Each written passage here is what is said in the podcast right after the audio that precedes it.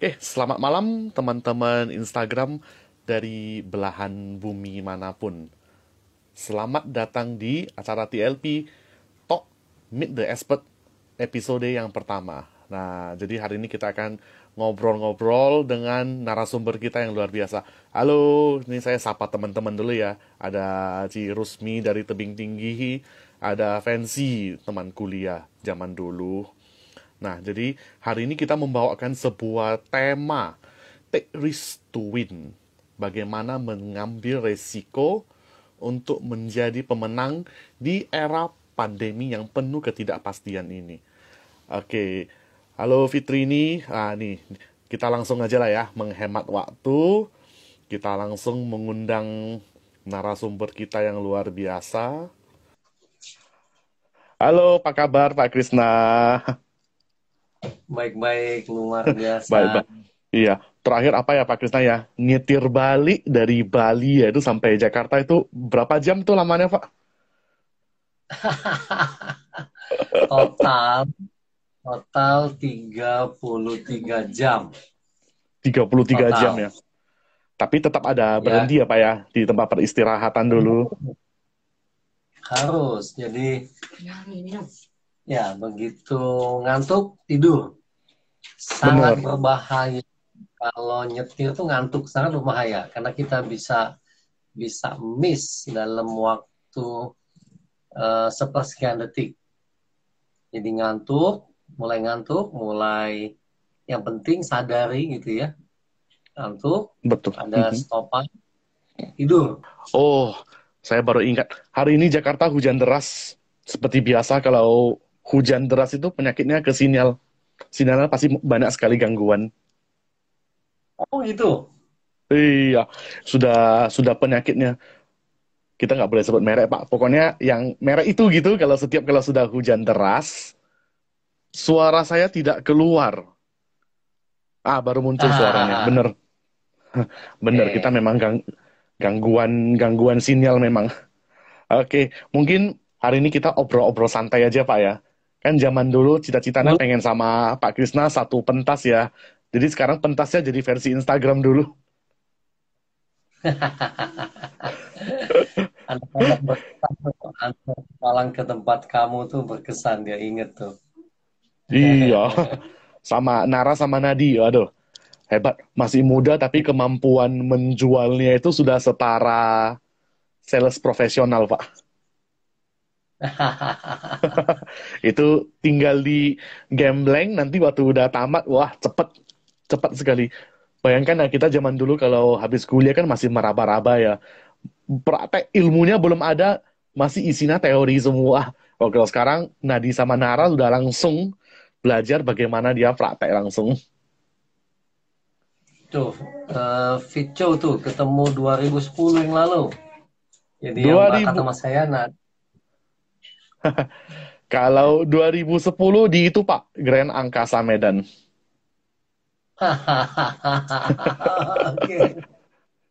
itu oh, kelas yang paling itu kelas yang paling gokil itu. Oh, pernah ketemu di New Skin juga. Luar biasa semua.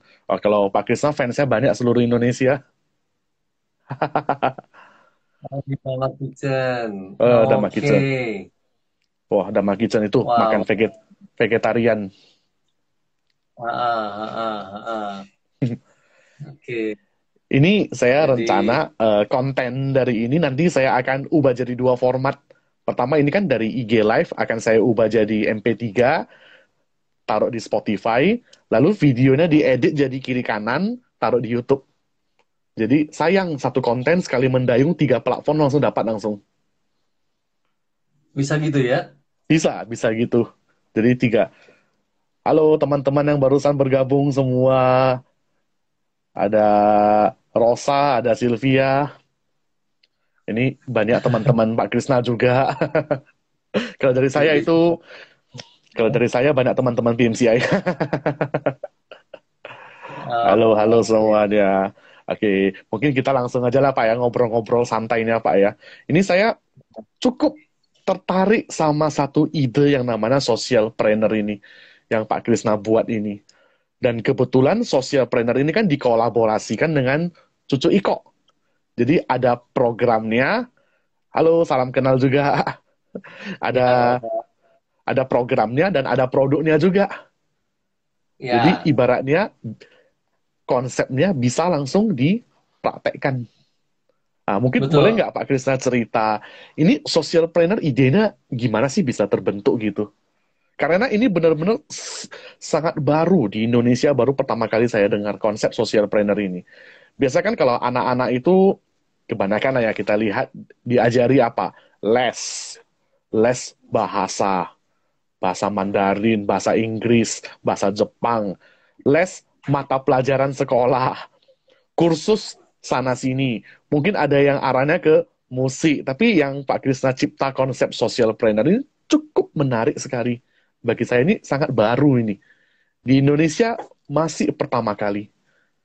Mungkin boleh disaringkan, oh. Pak. Itu gimana sih lahirnya ide social planner ini, Pak? Sebetulnya dari diskusi yang lumayan panjang dan munculnya eh, pas mulai di pandemi. Pandemi membuat kami harus ada di rumah, lalu uh, bisnis training juga bergeser total dari offline ke online yang kita tahu bahwa um, kap, apa namanya hasilnya hmm. dari sebuah pelatihan online mungkin tidak bisa optimal. Betul. Nah, jadi kayak seperti ini kita diskusi ngobrol oke, okay. namun dengan harus dengan metode tertentu untuk orang.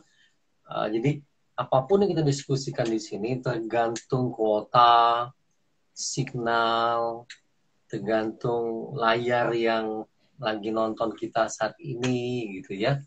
Betul. Jadi ada, ada metodenya, ada metodenya memang. Nah, lalu uh, saya Bu Naomi mulai berpikir kita sudah tidak tidak tidak bisa bergerak banyak nih dengan ini ini. Sepertinya bukan kita lagi nih harus yang di develop. Uh, siapa tuh? Oh ini. Yes, home learning. Eh, ada running tuh. Salut banget dengan entrepreneur Jawa Bali nya tuh ini jadi kalau mau tanya banyak nanti tanya tanya Nara tuh pengalamannya sendiri. Aja dikit oh, iya. jadi singkat cerita kami Eh, berdiskusi lah dengan teman-teman untuk bikin supaya seperti kan bayangin kalau mereka belajar saat ini belajar di rumah gitu ya. Dari pagi sampai siang tuh jangankan anak-anak kita aja bosen banget di laptop. Betul. Jadi kami punya ide yuk kita sambil jalan-jalan deh. Artinya waktunya selain belajar juga bisa digunakan Oh itu ada Ferdi Kawi, saya lupa tuh nanti eh, bikin sesi mungkin setelah inilah ya Ferdi. Oh, iya. Luar biasa. Palembang. Nah akhirnya muncullah ide untuk bikin camper van ini, lihat di YouTube awalnya. Lalu kalau cuma pergi-pergi aja, ya apa bedanya dengan dengan dengan camper van yang lain gitu ya?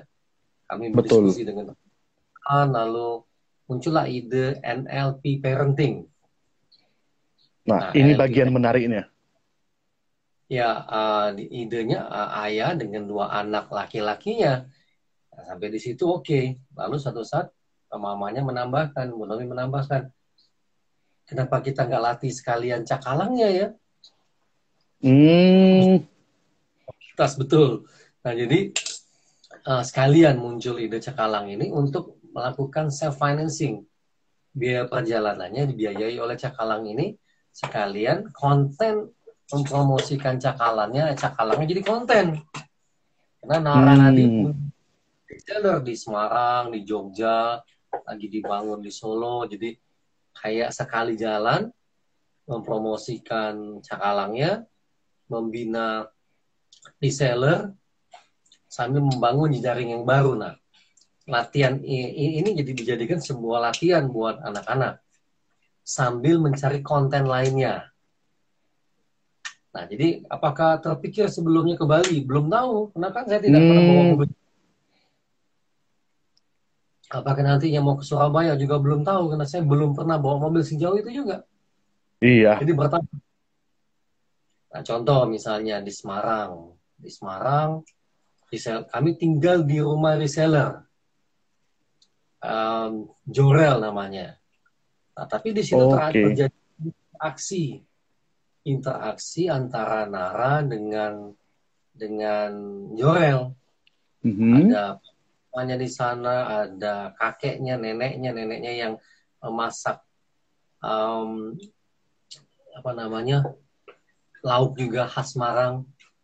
Apa namanya? Orang Orang Arif itu.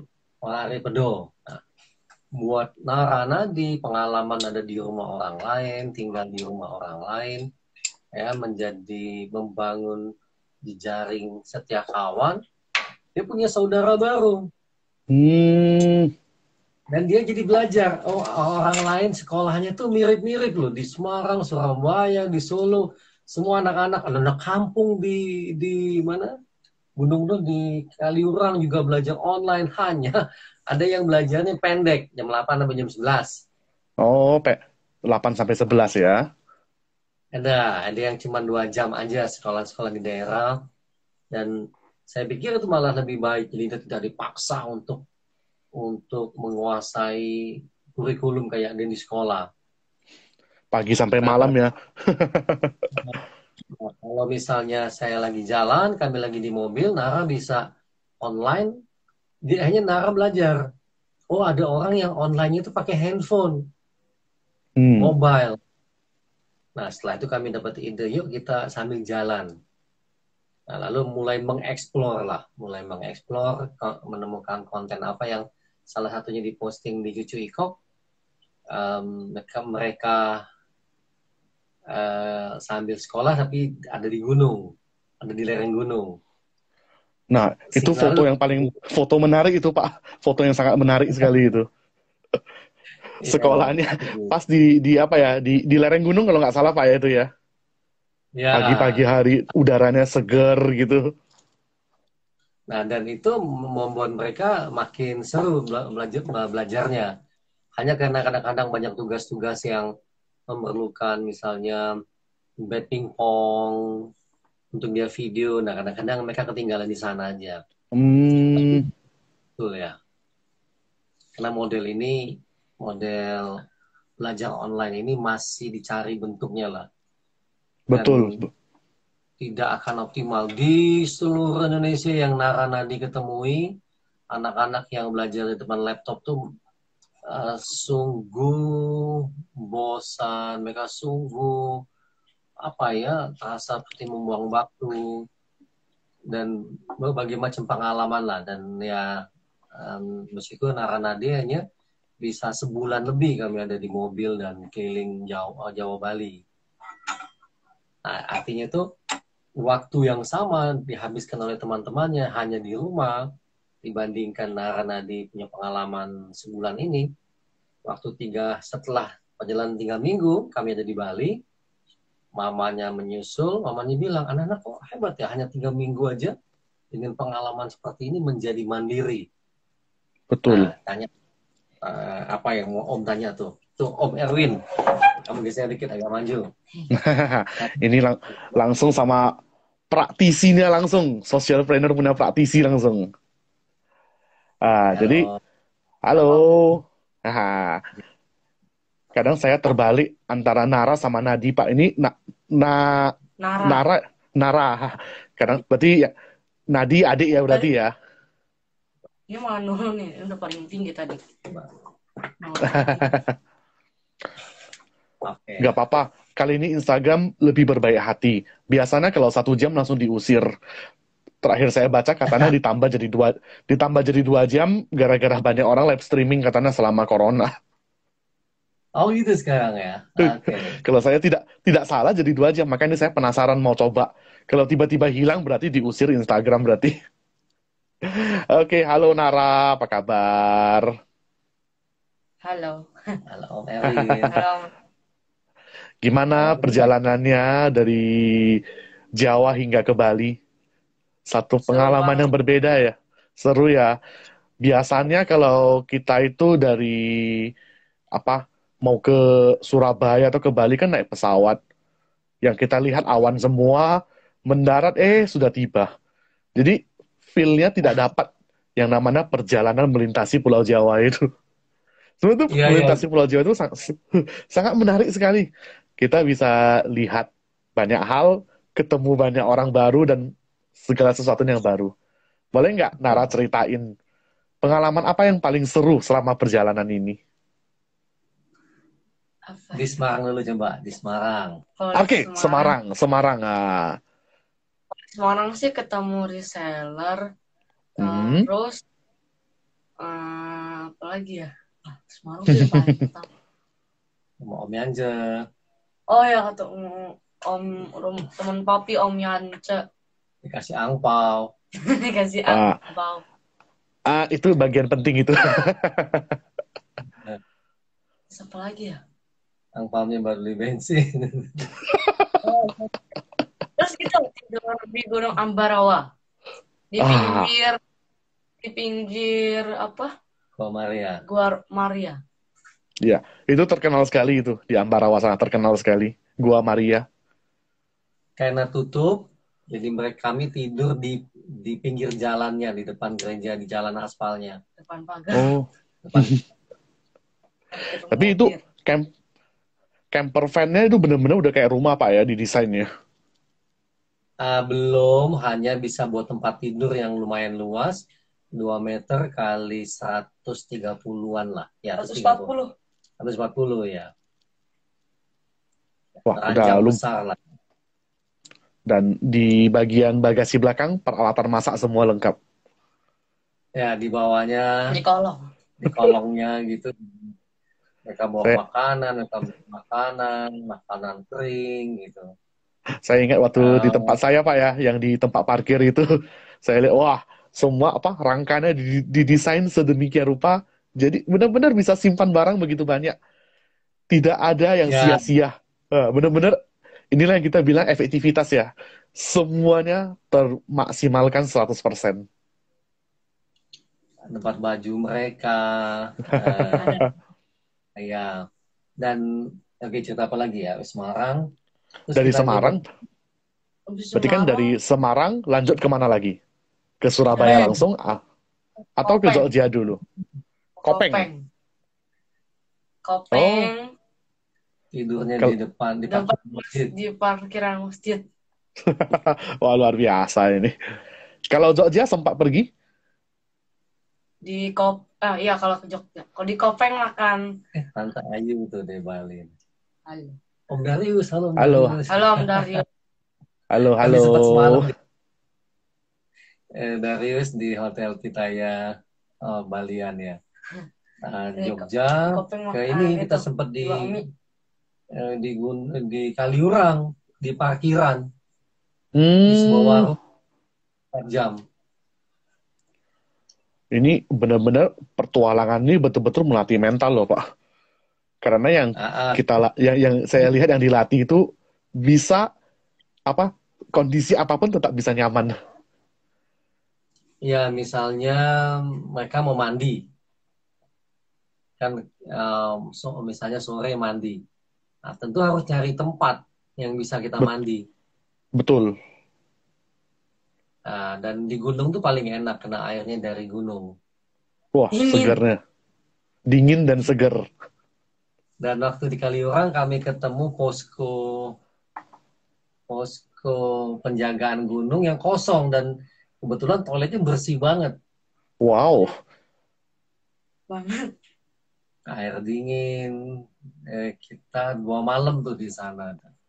Oh, Cari tempat habis itu jar. Itu Merapi kali ya. Ya Merapi, Merapi. Oh kayak oh iya, Merapi. lerengnya itu. Iya, tanya. Om, om mau nanya apa lagi ke Nara? Oh, mau Oke, nanya habis lagi. itu habis itu lanjut sampai ke mana lagi? Sebelum sampai Bali, sampai ujung Jawa yang paling timur dulu kita.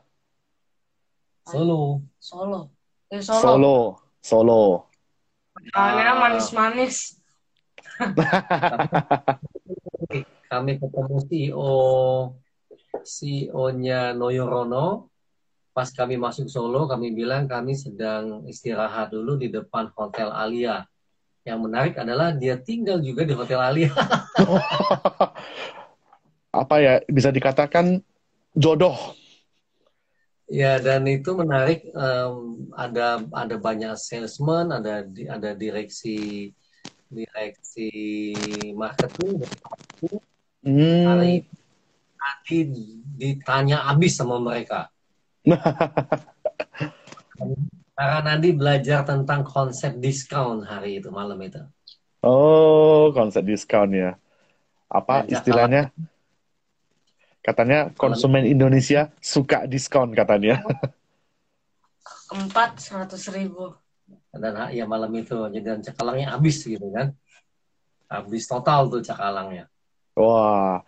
Tapi waktu itu dalam perjalanan stok yang dibawa udah diperhitungkan bahwa akan Um, mencukupi kalau misalnya seandainya tiba-tiba kehabisan stok di tengah jalan itu. Ya kami sudah pikirkan kalau udah hampir habis pesan sama maminya di Jakarta untuk dikirim lewat parcel satu hari besoknya nyampe udah. Oh, berarti ada tim backup dari rumah. Kalau sudah eh, sudah mau habis stok, oke langsung mami kirim langsung satu hari. Wah, Iya. berarti perencanaannya sangat matang. Aplikasi di parcel kan tinggal buka aplikasi, kirim Betul. dari ya, Jakarta bisa ke Solo, Jakarta ke Semarang, Jakarta ke Surabaya, Jakarta ke Bali. Jadi setelah itu banyak barang susulan dari Jakarta ke Semarang, Jakarta ke Surabaya.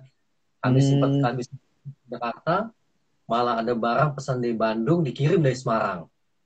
Wah. Dan ya Barang dari Bandung jatuh- kirim. dari Semarang ke Bandung ya. Dan Oh. ya, Axel tuh kebetulan cepat sekali dia. Sangat Iya, mendukung untuk bisnis rumahan gitu ya. Betul, betul, Nah, betul sekali. Di gunung dia, oh ada lagi yang menarik. Oh, apa itu? Eh, di Jogja tukang lotek. Tukang lotek, oke.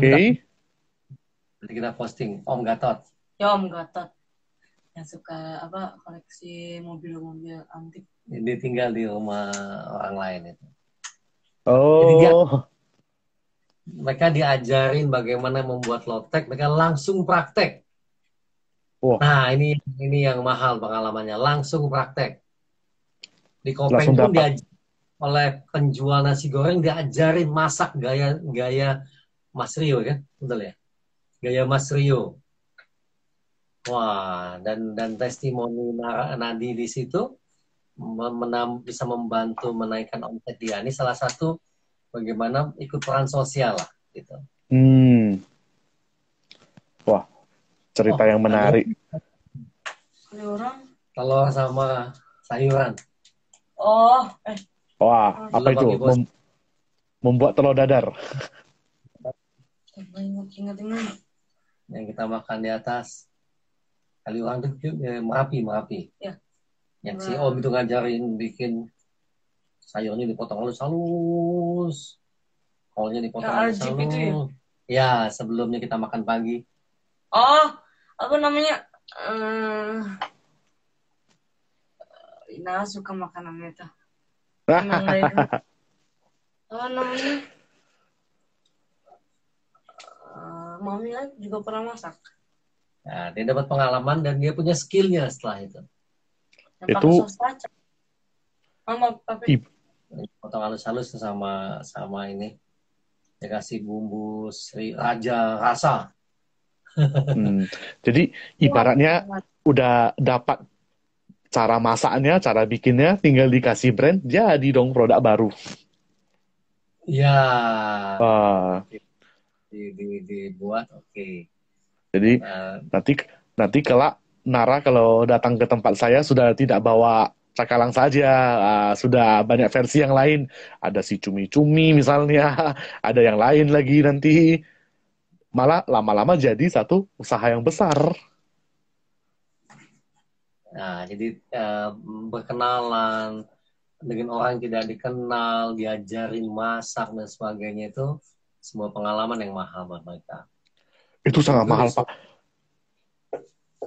Dari Solo kita ke setelah ketemu Om Surabaya langsung. Surabaya Iya, langsung Surabaya. dan nginepnya di rumah CEO-nya Noyorono. Uh, ini seru, seru ini. Antik. Nah, di situ Nara Nadi diundang ke teman kelama kami, Amelia Hirawan. Dia diminta presentasi ya, kalau nggak salah ini mana ya? Di kantornya Omin Tante Tante Amelia. Oh, Oh, jadi gitu, Pak. itu kafe. Kafe ya? Yang di Surabaya. Iya. Kafenya. Maminya pelang. Iya. Oh, iya, oh yang kantor itu. Ya, coba ngomong sama Om Erwin. Apa? Ah, gim- gimana ceritanya? Sepertinya menarik ini. Apa pasti. Jadi pas itu present apa ya present Presentasi. ya presentasi. Apa tentang cakalang dari gimana? Pertama ngapain kok bisa di kenapa ada ide cakalang gitu? Oke, mulai cerita konsepnya dulu. ya terus. Dan hari itu omsetnya? Juta empat ratus dua Wih, satu juta empat ratus. empat ratus Ya, ya segitu segitu Wah, jadi presentasi. Kalau langsung pesen gitu ya. wah, Apalagi setelah presentasi langsung laris semua langsung, habis langsung. habis itu Berarti ini kita lagi- ke- Ini kan di kota Surabaya ya, berarti kan sudah Jawa paling timur ya. Tinggal desti- destinasi terakhir sebelum sampai ke Bali. Lumajang lagi ya, kata kota Lumajang. Seharian mereka bermain di Lumajang. Wah, gimana pengalaman mainnya Nara? Lumajang itu yang mana Yang Om Firman, yang kita di rumahnya. Wah, sudah lupa. Anaknya cewek satu yang kecil. oh yang tempatnya tra- kota panas itu Ya, yang banyak yang ada candi eh, eh candi eh, iya, ya ada Pura. pura di, Pul- di Lumajang. Pura tertua, salah satu pura tertua di Jawa itu ada di Lumajang. Hmm, di sana ada pengalaman menarik apa? Hmm. Di sana sih panas. Panas ya. Panasnya panas banget. Wah, panas banget. Nah, yang lebih menarik lagi, malamnya kami memutuskan ke Bali. Eh, sorry. Itu ke Eh, kita nginep sebelum Lumajang tuh kita nginep di Bromo semalam. Di Bromo Nah. dulu. Yang menarik itu adalah kami kan tidak tahu mesti mesti tidur di mana malam itu. Ini petualangan menarik loh nih. Dan tidak pernah ke Bromo sudut tertentu dari rute tertentu kan. Betul. Apa yang saya lakukan? Saya melakukan self coaching. Saya bertanya ke bawah sadar saya, carikan tempat yang aman, berikan saya signal petunjuk tempat yang aman, nyaman dan tenang. Artinya itu ada toilet dan sebagainya. Dan kami ketemu tempat itu. Kami belum pernah ke sana. Padahal belum pernah ke sana loh. Tidak ada informasi sama sekali. Ada. Tapi dengan teknik self coaching ini, si unconscious langsung memberikan jawabannya. Nah, ini salah satu teknik luar biasa ini, Pak.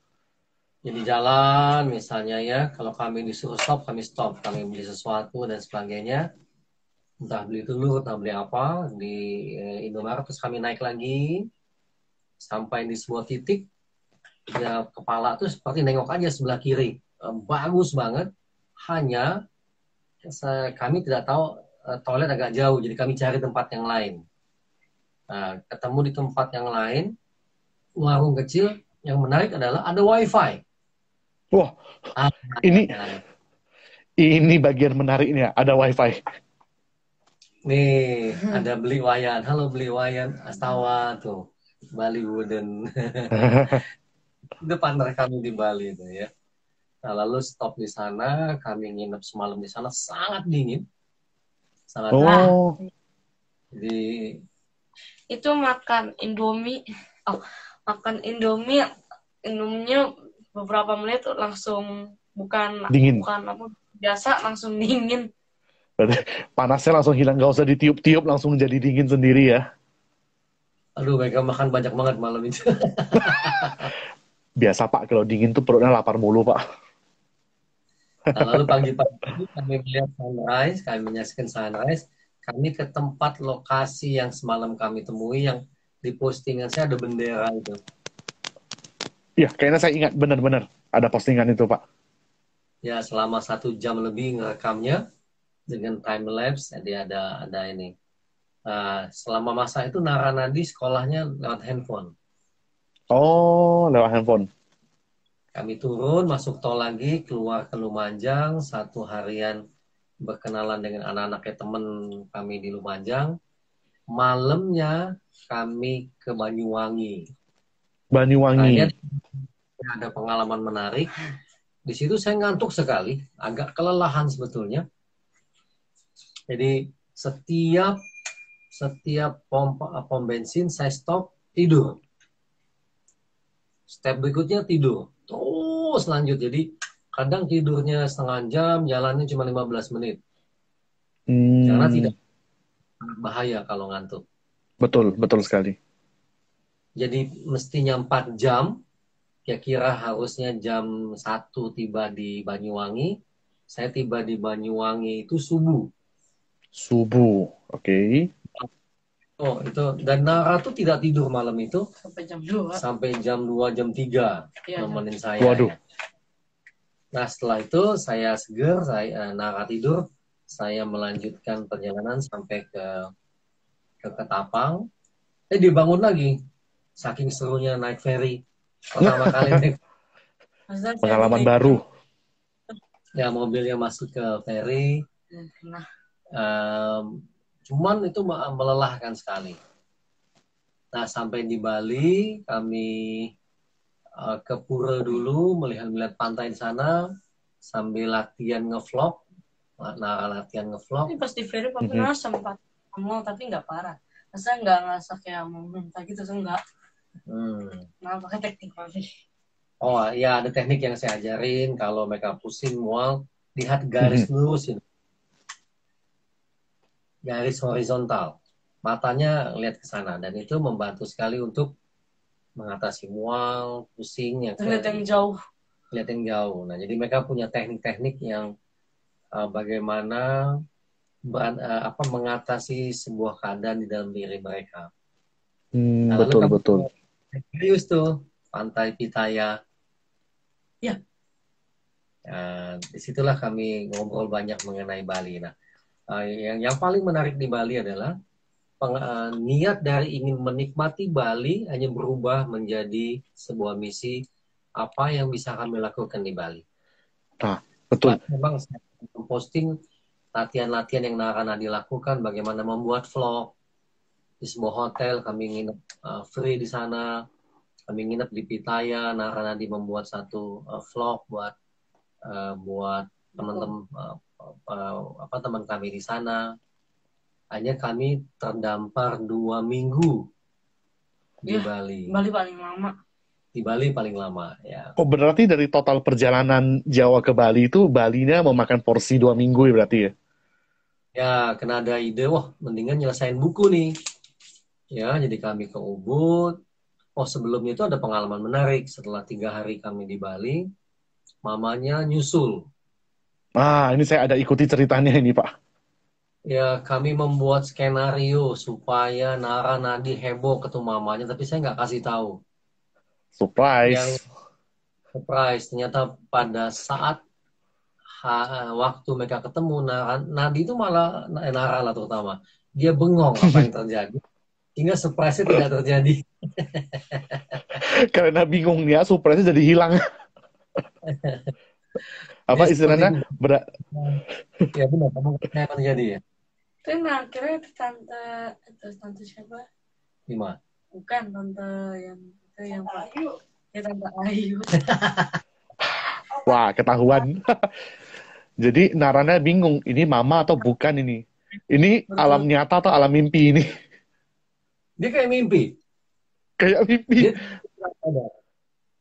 Dan dia sampai ngecek turun ke mobil, lihat ini bandara apa bukan, ini bandara nggak apa nih di rumah.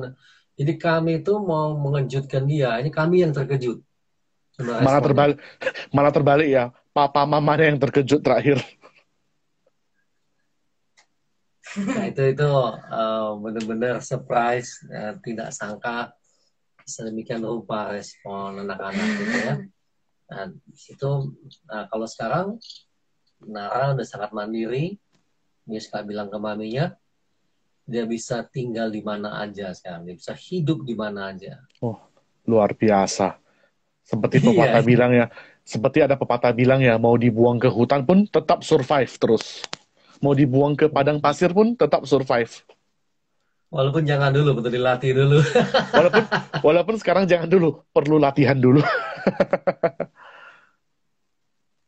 Karena mereka masih belum dilatih bagaimana menyalakan api, bila perlu pasti bawa korek api lah, masih muda. Bener, bener, bener. Bisa aja Tapi ya, kalau kita bisa ya. bisa aja kita andai-andai ya. Sekarang ini kan wabahnya penyakit COVID ya. Siapa tahu Pak nanti yang ke depannya wabahnya listrik. Kan kita harus belajar nyalain api lagi dari kayu.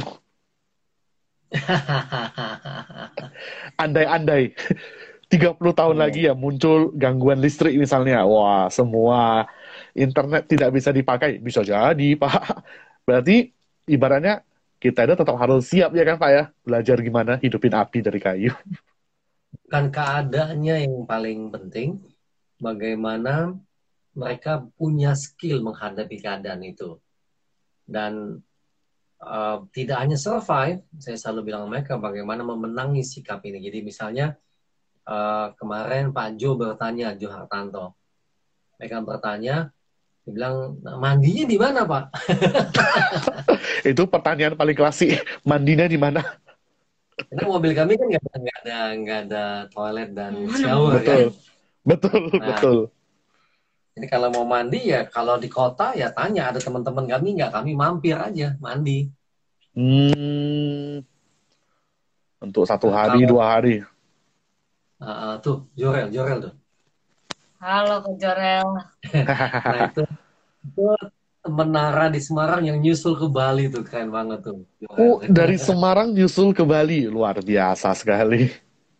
reseller Nara itu. Jorel lagi. Apa Jorel? Oh, reseller. Wah, mantap, mantap, mantap. Nah, Ben- banyak banget. Dan kami mau melakukan perjalanan yang lain dengan syarat kata Nara mobilnya mesti diganti supaya maminya bisa ikut. Ah, sepertinya nanti satu keluarga ikut lebih seru lagi, Pak. Jadi masing-masing memiliki pera- peranan masing-masing gitu ya dalam Ya. tim ja- tim adventure jalan petualangan ini. Ada yang ngevlog, ada yang Eh, ada yang ngevlog, ada yang posting, nanti ada editing. Sekarang editing juga pakai handphone bisa mudah, software banyak sekali sekarang. Software banyak ya, Hmm, Nah, malah ma- ma- malah kalau mau jujur saya yang agak bisa dikatakan masih pakai yang sulit-sulit, padahal sekarang sudah banyak yang mudah-mudah. Oke, good. Nanti boleh sharing tuh. Boleh nanti saya PM ke Pak Krisna aja beberapa tools-tools yang berguna sekali. Apalagi kalau untuk Nara nanti untuk buat vlog-vlog semua ntar. Oh, keren. Guys. Nanti apalagi sekarang kabarnya katanya TikTok sekarang juga lagi naik daun katanya. Itu juga salah satu media yang boleh di consider ibaratnya. Hmm, oke. Nah, ha. Bah, kemudian eh, ada satu yang saya menarik yang saya lihat di Bali yang Pak Krisna lakukan ya. Itu yang apa kalau nggak salah yang membuat papan tulisan ya kata-kata motivasi. Kalau tidak salah namanya kata Krisna ya. Itu nggak sengaja sama sekali. Hah, itu d- gimana Empat. ki- kisahnya Pak itu kisahnya? Ya, eh, su- saya sudah buat video juga nanti akan saya posting di kata Krishna eh, Bali itunya. Jadi eh, setelah kami keliling Pantai Kute, Legian dan sebagainya, kami tuh sedih betul ya Bali hancur. Mhm. Hancur dalam arti kehidupan pariwisatanya, toko-toko tutup. Wah, itu sedih lah ya. Banyak banget. Banyak banget toko yang tutup. Lalu kami eh, ketemu teman di Bahkan Ubud. restoran yang terkenal juga yang tutup. Ya, restoran terkenal tutup. Lalu kami nginep di Sankara Resort di disponsori lah ya. Dan malam berikutnya kami saya pikir kalau di resort lagi mereka tidak punya experience. Lalu malamnya kami nginep di Pindah. Saya mau meditasi. Nah, di Kintamani saya mau mau menulis eh, lirik lagunya Amin. ya lirik lagunya lirik lagunya si Jun Bintang lagunya Bani Mati lalu saya ingin nulis liriknya nah Di situ ada pengalaman yang lumayan serem awalnya karena salah jalan di lokasi jalanan yang kecil sekali. Waduh. Lalu saya ya balik dan ketemu parkiran yang nyaman. Kabutnya tebal sekali. Nara sempat masak. Saya merekam sebentar fotonya karena sangat dingin. Lalu kami tidur di mobil malam itu.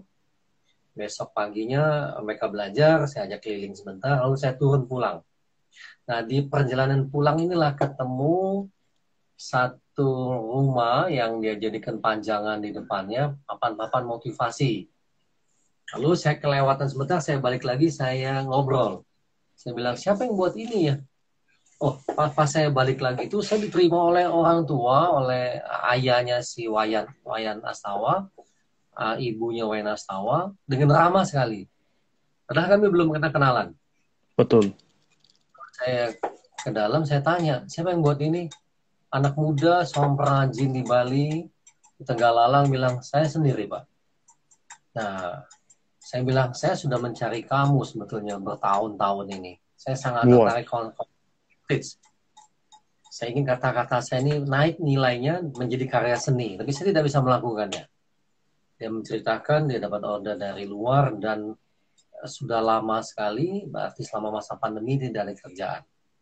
Oke, saya bilang saya ada ada poster motivasi, tolong kamu olah. Nah, di situlah saya berkenalan dengan Wayan Astawa. Lalu punya ide menuliskan kata Krishna sebagai brand untuk menaikkan value-nya dan nantinya dia akan punya cap Wayan Astawa nanti lagi didesain. Karya. Hmm, Sampai hari ini kami berkomunikasi dengan intens lewat WA, Beli Wayan terus berkarya, ber- bereksperimen dengan gaya dia sendiri sebagai seniman Bali. Nah, kolaborasi ini menarik dan ti- tidak sengaja, mungkin seperti tidak sengaja, alam semesta mengatur kami punya uh, kami punya calon bisnis di sana, karena usaha laya yang memang seni vintage-nya, seni lukisnya, dan kata-kata yang saya explore.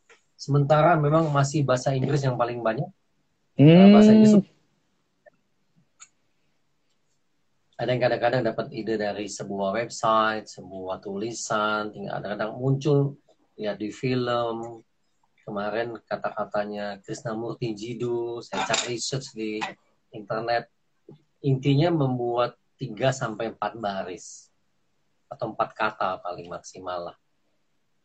Nah, em, dijual lewat online dan itu seperti terjadi begitu saja pas kami hmm,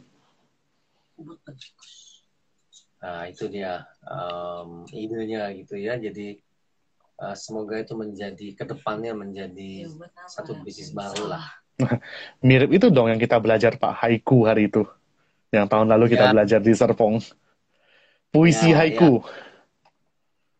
Dan itu salah satu cara saya berkomunikasi. Ternyata di Ubud tuh kami mengenal eh di Ubud tuh banyak orang Jepang, banyak komunitas orang Jepang dan banyak orang Jepang Hmm. tinggal di Ubud. Di Ubud. Hidupnya tinggal tinggalnya di Ubud berbelas-belas tahun. Oh, berarti sudah menetap berarti sudah menetap di Pulau Bali Ya. di Ubud. Dan mereka ini lumayan menghidupkan area Ubud karena secara um, financial mereka lebih baik, mereka berinteraksi, membangun uh, apa tempat-tempat di sekitar situ. Menarik, Betul, menarik. betul. Wah, ini menarik sekali ini. Berarti kita sudah ada calon buku baru, Pak, berarti kali ini, Pak, dari perjalanan ini. Ya, eh, kami eh, kayak saya belum pernah punya pengalaman di apa namanya nulis buku ada di sebuah tempat dan seperti apa namanya itu di camp gitu ya. Mhm. Nah, itu kami berdiskusi intens dan stage saya itu bisa dikonten aja dalam waktu yang lama. Tidur, mikirin. Nah, hanya ada satu, eh, ada empat naskah yang tadi saya gabung jadi satu. Akhirnya itu dalam satu diskusi, Abu Nomi bilang, coba pikirkan buku untuk mereka yang terkena dampak pandemi. Hmm. ya yang intinya mengajak orang untuk tidak menyerah dalam keadaan ini. Nah, lagi lagi saya olah ulang, ada tambahan-tambahan seperti yang ada teman-teman usuli tetap ada teknik self healingnya tetap ada teknik-teknik coachingnya jadi dimasukin semua ke situ bener bukunya Pak Krisna yang paling menarik kan yang ada teknik-teknik semua ya jadi dimasukin terutama teknik yang saya pelajari dari Portugal supaya lebih lebih uh, apa di terupgrade lah yang baru. Ya, ya. New code-nya John Grinder. Ya, ya, ya akan masuk ke situ. Si Michael Carroll dia sampai bilang ya, jangan lagi terdampar di tahun 70. Sekarang waktunya belajar new code. Oh, iya, iya, iya. iya, iya. Saya masih ingat Michael Carroll selalu ngomong itu. Uh, berarti ini bukunya berarti mirip ada kalau nggak salah Pak Krisna pernah buat satu buku yang isinya perjalanan meditasi yang ke Sydney punya.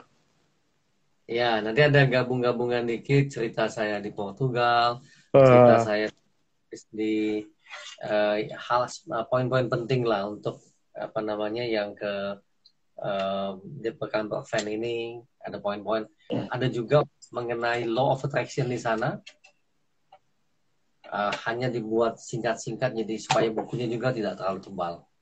Betul betul. Kayaknya kali ini harus pre-order banyak apa kayaknya. Biasanya belinya nanggung kehabisan. Makasih, makasih, makasih. kadang oh. kalau buat acara gitu mau kasih giveaway, kadang bingung mau kasih giveaway apa. Buku paling bagus. Apakah buku buku kayak kalau buku-buku yang lama udah udah susah dapat lah pak ya, yang zaman-zaman dulu banget. Ya, dari Serdeki tidak, yang tidak berani lagi. Um, kenapa Sayang. buku tuh sekali lima ribu misalnya dua ribu. Jadi nanti dua ribu ya. Ini pun kami yang order, kami yang pesan ke penerbitnya. Jadi hmm. modelnya cetak terbit. Sehingga oh. kami yang kami ingin menjadikan buku ini seperti summary dari buku-buku yang yang sebelumnya ya betul betul sehingga orang kalau nggak punya buku yang lama dia punya buku yang paling baru ini sudah cukup saya kira gitu idenya Hah, ini cukup menarik karena rangkuman dari semua pembelajaran masa lampau hingga sekarang menjadi satu buku satu intisari ya ya ya dan ringan-ringan buku dah ya mohon doanya ya Is, itu siap untuk order karena kadang kalau buat acara perlu souvenir pak. Oke. Oke. Buat dari buku ini bagi mereka yang mau belajar ya saya sebutnya LOA coach, Law of Attraction coach. Jadi buku ini terkait sama training itu. Hmm, LOA ya, Law of Attraction ini salah satu bisa dikatakan ilmu klasik tapi masih sangat powerful hingga sekarang. Ya itu ilmu ratusan tahun yang lalu dan Se maksudnya menjadi menjadi seperti efektif. yang ya, seperti yang Pak Krisna cerita ya, semua perjalanan dari Jawa ke Bali bertemu dengan berbagai orang itu semua tidak ada yang kebetulan. Tapi itu semua hmm. law of hmm. attraction. Kalau dari saya, hmm. pengamatan saya itu semua LOA semua. Yang menarik semua ketemu hingga Nara sama Nadi itu punya kesempatan bisa belajar sama orang-orang hebat langsung. Hmm, seru, seru banget lah. Dan yang Karena paling penting jarang loh orang-orang mau tiba-tiba nuruni ilmu langsung. Mantap. Siapa tuh? Uh, eh, APHIG? Oh, oh. Adi Pratama Halim. oh, okay, okay. Yang di grup kita Pak, grup self coaching Pak. Iya iya iya iya iya iya iya. Ini, oh, iya, iya. ini kakak ini kakak senior yang luar biasa ini. Oke, jadi mungkin sebagai penutup untuk acara ngobrol-ngobrol kita malam ini, mungkin bolehlah uh, kita minta sedikit tips dari Pak Krisna bagaimana uh, orang-orang itu bisa menjaga winning state dia atau kondisi pemenang dia. Karena saya kita tahu bahwa di kondisi ini banyak sekali orang yang bangkrut, kena PHK, hilang arah, bahkan hilang harapan, banyak sekali dan mereka sampai sekarang juga belum ketemu bagaimana cara untuk bangkit gitu. Karena kan di saat mereka mau mengerjakan hal baru, tapi kondisi state-nya itu masih di bagian lose, masih kalah terus. Ya, ya, ya, ya. Nah. Itu yang juga dituliskan uh, saya tuliskan di buku ini tuh Rina komentar tuh ya satu Eits. buku dapat semua.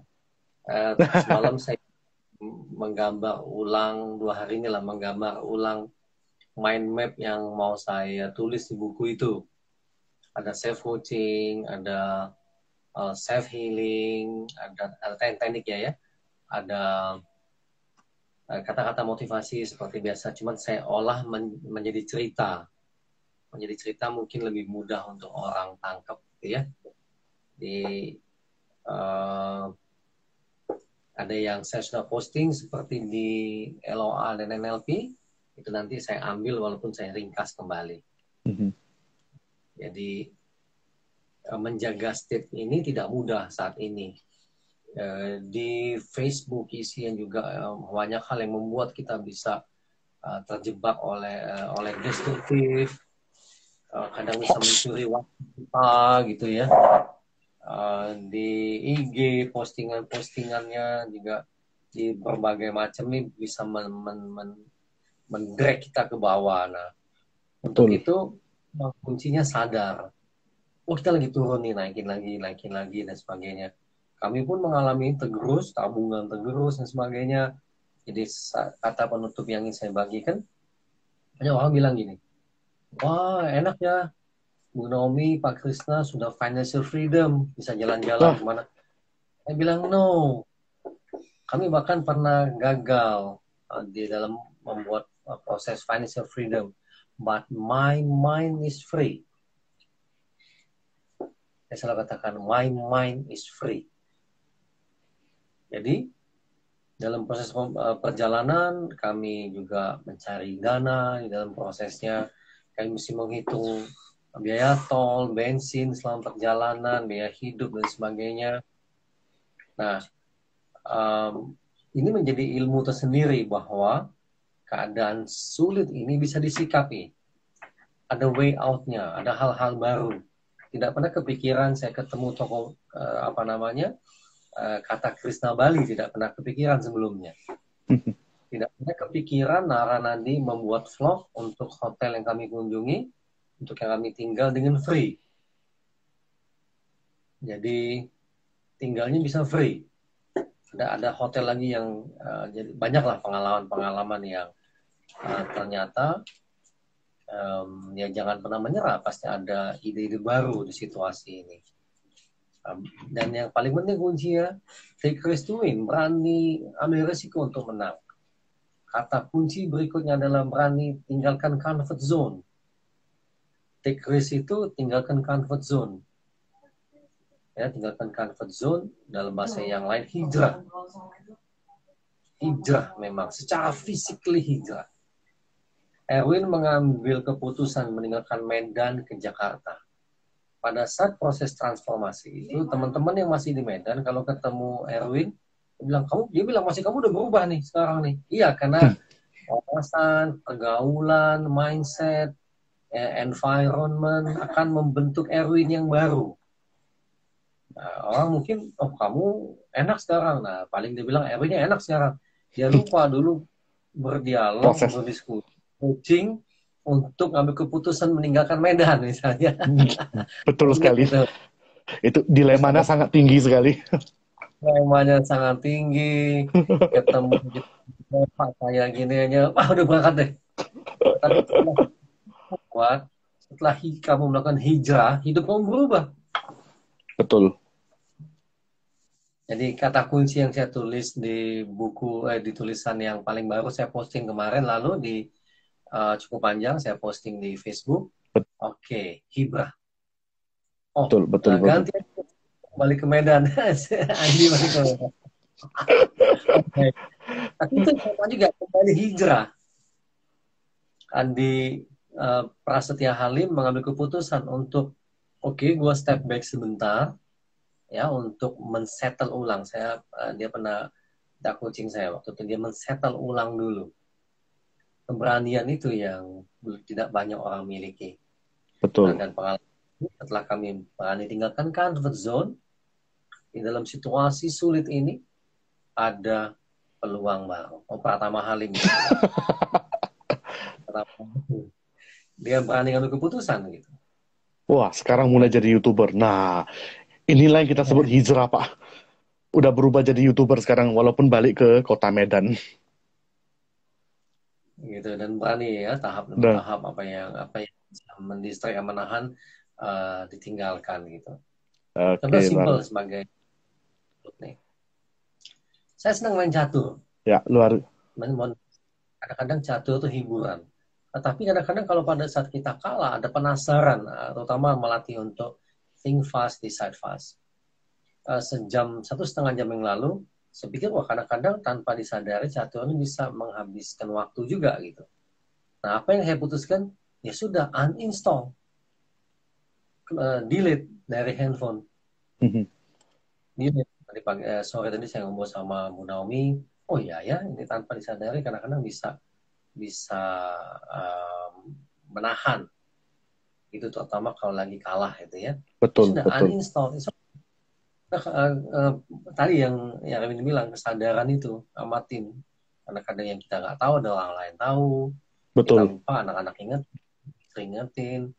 Nah, pada saat disadarin ini ada sesuatu yang bisa berpotensi menahan, eh, uninstall aja.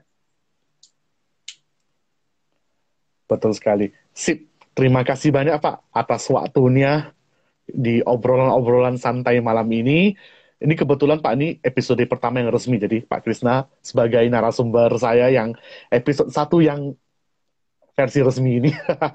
Jadi, terima kasih. Jadi, pada teman-teman kalau lagi mau makan yang pedas, lagi mau makan ikan, jangan lupa langsung aja order ke cucu titik iko. Nah, ke sana langsung pesan cakalangnya.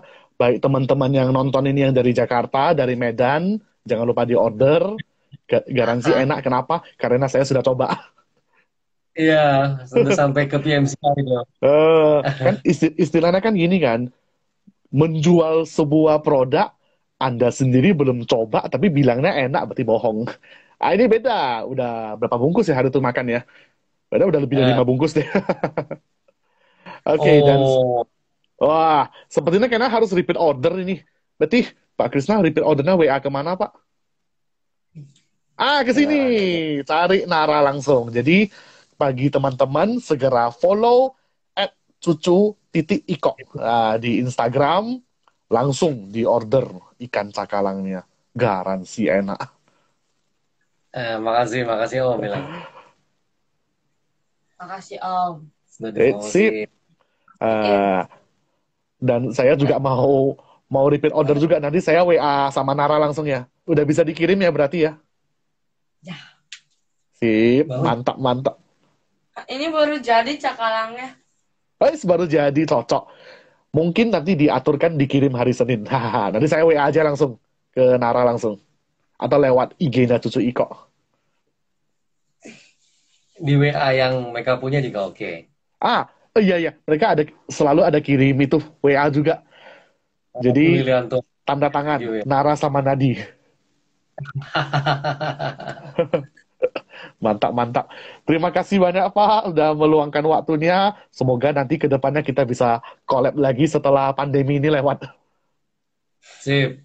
Sip. Pokoknya misi untuk bangsa. Thank you, Pak. Oke. Ada Oke. Om. Bye.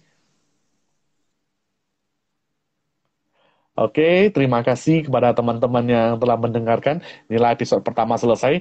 Dan jangan lupa, nantikan lagi episode berikutnya. Kita akan mendatangkan lebih banyak lagi nara-narasumber yang akan memberikan Anda ide, inspirasi bagaimana kita bisa lebih cepat survive di pandemi ini. Sampai ketemu di episode berikutnya. See ya!